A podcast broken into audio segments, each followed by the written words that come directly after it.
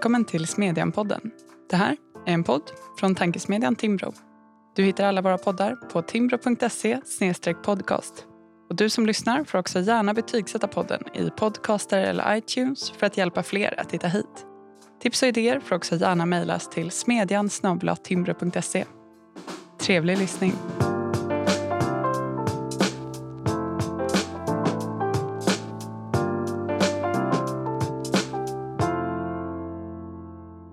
Dagens avsnitt är en inläst version av essän Vem fan är min politiker? Skriven och inläst av Adam Danieli. Vad heter din riksdagsledamot? Om du inte tillhör en mycket liten grupp i det svenska samhället har du förmodligen ingen aning om svaret på den frågan. Om du är som de allra flesta saknar du också svar på frågan vem som styr din kommun, vilken partiföreträdare som har ansvaret för sjukvården där du bor eller vem som är landshövding i ditt län. Syftet här är inte att utmåla dig som dåligt påläst. Politik i Sverige är ett anonymt och kollektivt spel där makt och ansvar sällan knyts till enstaka personer eller ens till partier.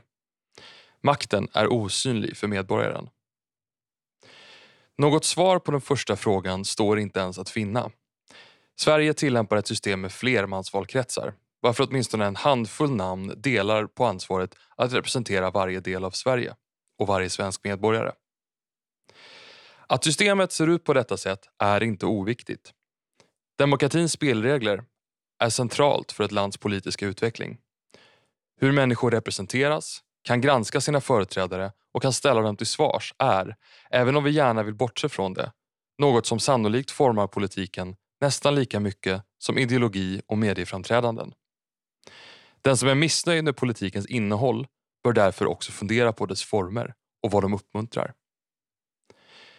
Efter ett decennium av decemberöverenskommelse, januariavtal, budgetförvirring, halsbrytande positionsförflyttningar, handlingsförlamning och till slut en regeringskris med hot om extraval är en naturlig fråga att ställa sig Lyckas den representativa demokratins institutioner fortfarande med sitt uppdrag i Sverige?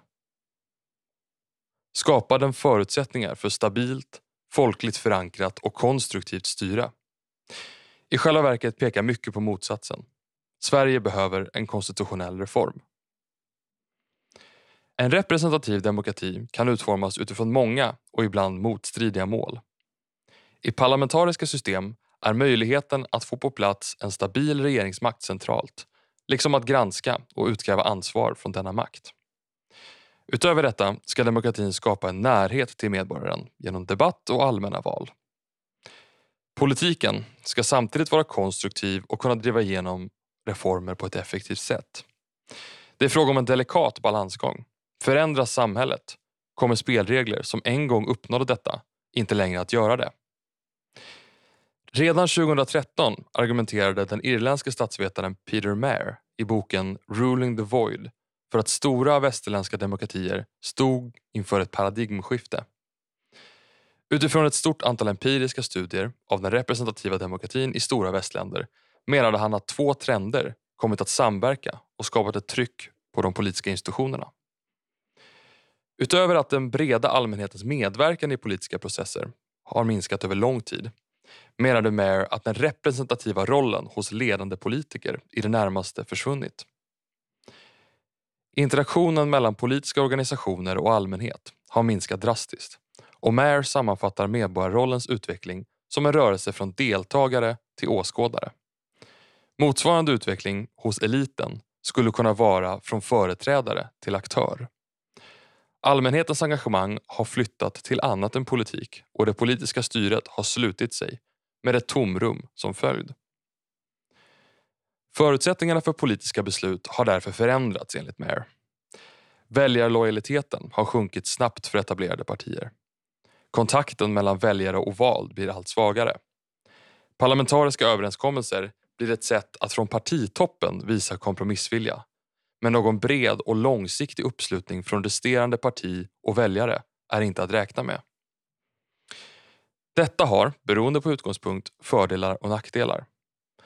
Ökad elitism och professionalisering kan vara nödvändigt för att effektivisera och genomföra komplexa politiska reformer.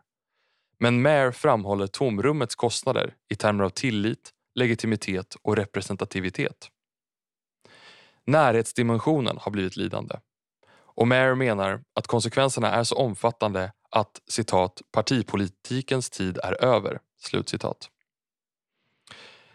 Boken, som väckt förvånansvärt lite uppmärksamhet i Sverige, har blivit enormt citerad internationellt och sätter ord på en utveckling som också nått hit. Från Mayers tomrum går en rak linje till politiska krumbukter såsom januariavtalet.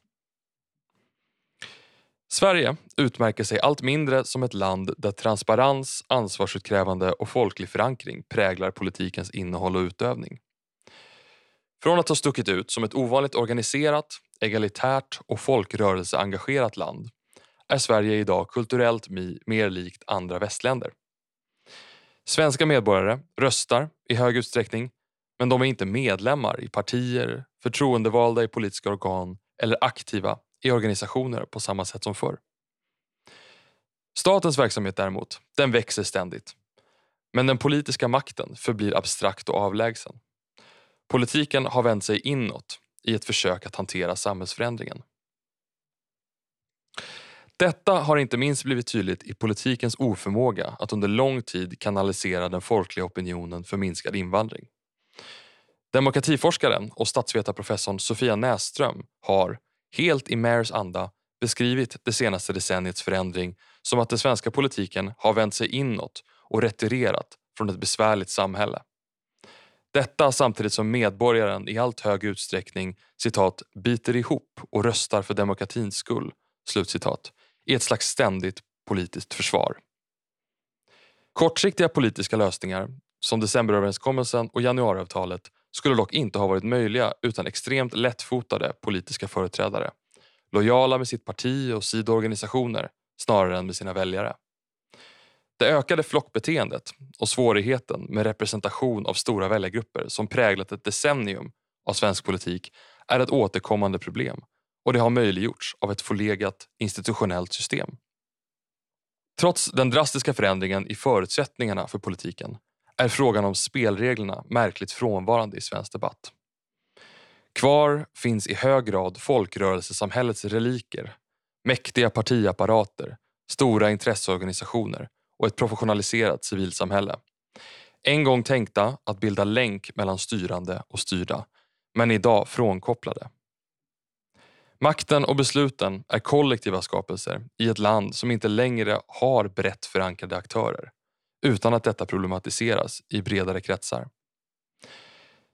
Redan ett par år in på 2000-talet lyfte författaren och journalisten Per T Olsson Sveriges oförmåga att betrakta sina politiska institutioner som annat än eviga och fulländade.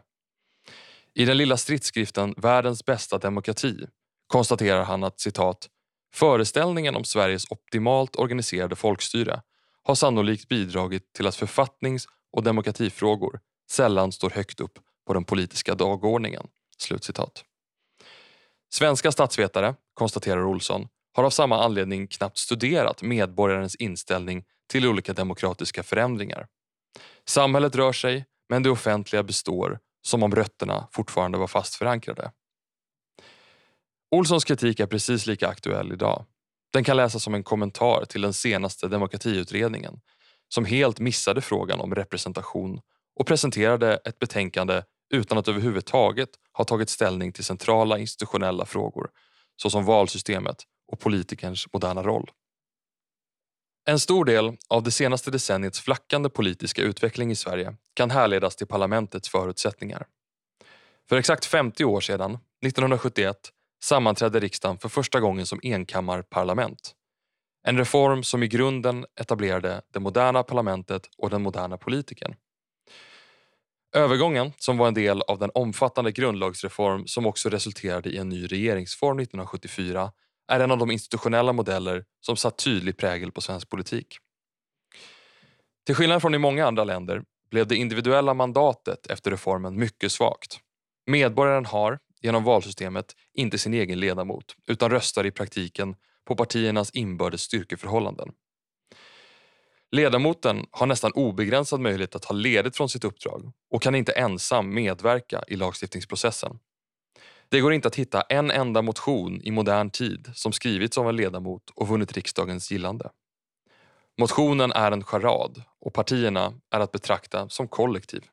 Det här är folkrörelsernas arena, vilket förutsätter att de står i nära förbindelse med det omgivande samhället. Samtidigt är riksdagen en av världens största parlament. Anledningen till storleken är föga idealistisk och har knappast med lokal förankring att göra.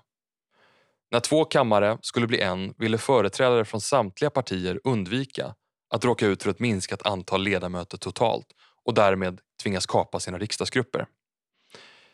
Lösningen blev att den andra kammaren utökades kraftigt från 230 till 350 platser och i praktiken inkorporerade den första. Samtidigt infördes sammanlagda valdagar till stat, landsting och kommun som eftergift till Socialdemokraterna.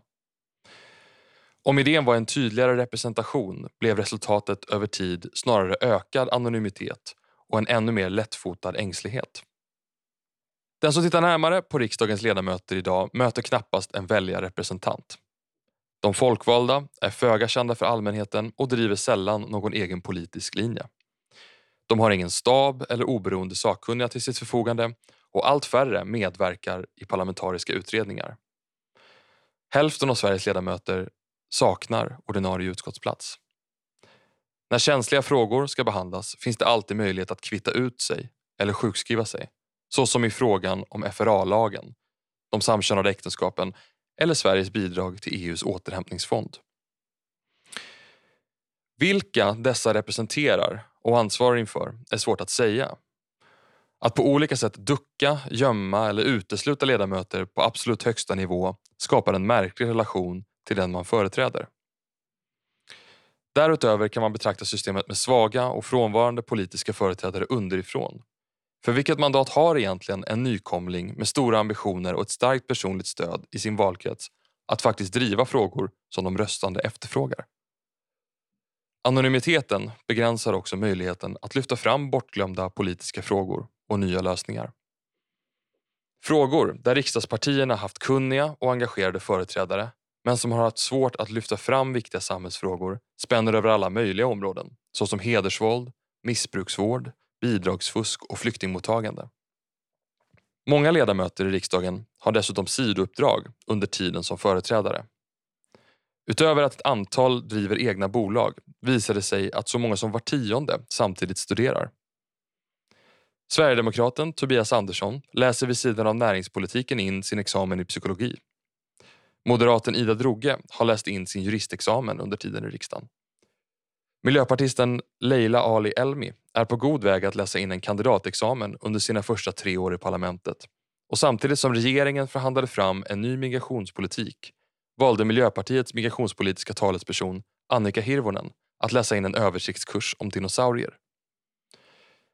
Kritik om frånvarande politiker kan tyckas ytlig. Man kan givetvis vara en utmärkt företrädare för sina väljare samtidigt som man har mycket annat för sig. Att vilja ha andra meriter, sakkunskap och alternativa karriärvägar är i sig inte något negativt utan stärker snarare den enskilde ledamoten. Det är dock någonting som skaver med kombinationen av ett av världens största parlament och begränsad möjlighet att faktiskt representera väljaren. Den naturliga frågan blir, bär ledamoten i Sveriges riksdag medborgarens förtroende? Populistiska idéer om en makt som med ont uppsåt skor sig på folkets bekostnad är sällan konstruktiva. Den representativa demokratin har alltid haft ett drag av elitstyre och ett avstånd till makten följer av en sådan modell. Att vara medveten om denna svaghet och förstå att den ställer vissa krav är nödvändigt för att bibehålla legitimiteten i systemet. Klägget, för att låna Håkan Juholts ord, av makthavare kommer utan tvekan att bli en central fråga för hur demokratin ska kunna möta nya generationer. Tiden har sprungit ifrån den anonyma folkrörelsemodellen. Den skapar distans och är hopplöst ineffektiv inför dagens utmaningar. Sverige behöver, med 50 år sedan sist, en representationsreform som värnar den demokratiska traditionen. Det centrala målet med en sådan reform borde vara att stärka och tydliggöra det personliga riksdagsmandatet. Detta kräver en kraftig minskning av riksdagens storlek, ökad självständighet för ledamöterna, möjlighet att medverka aktivt i lagstiftningen större inslag av personval och stärkande av kopplingen till den egna valkretsen.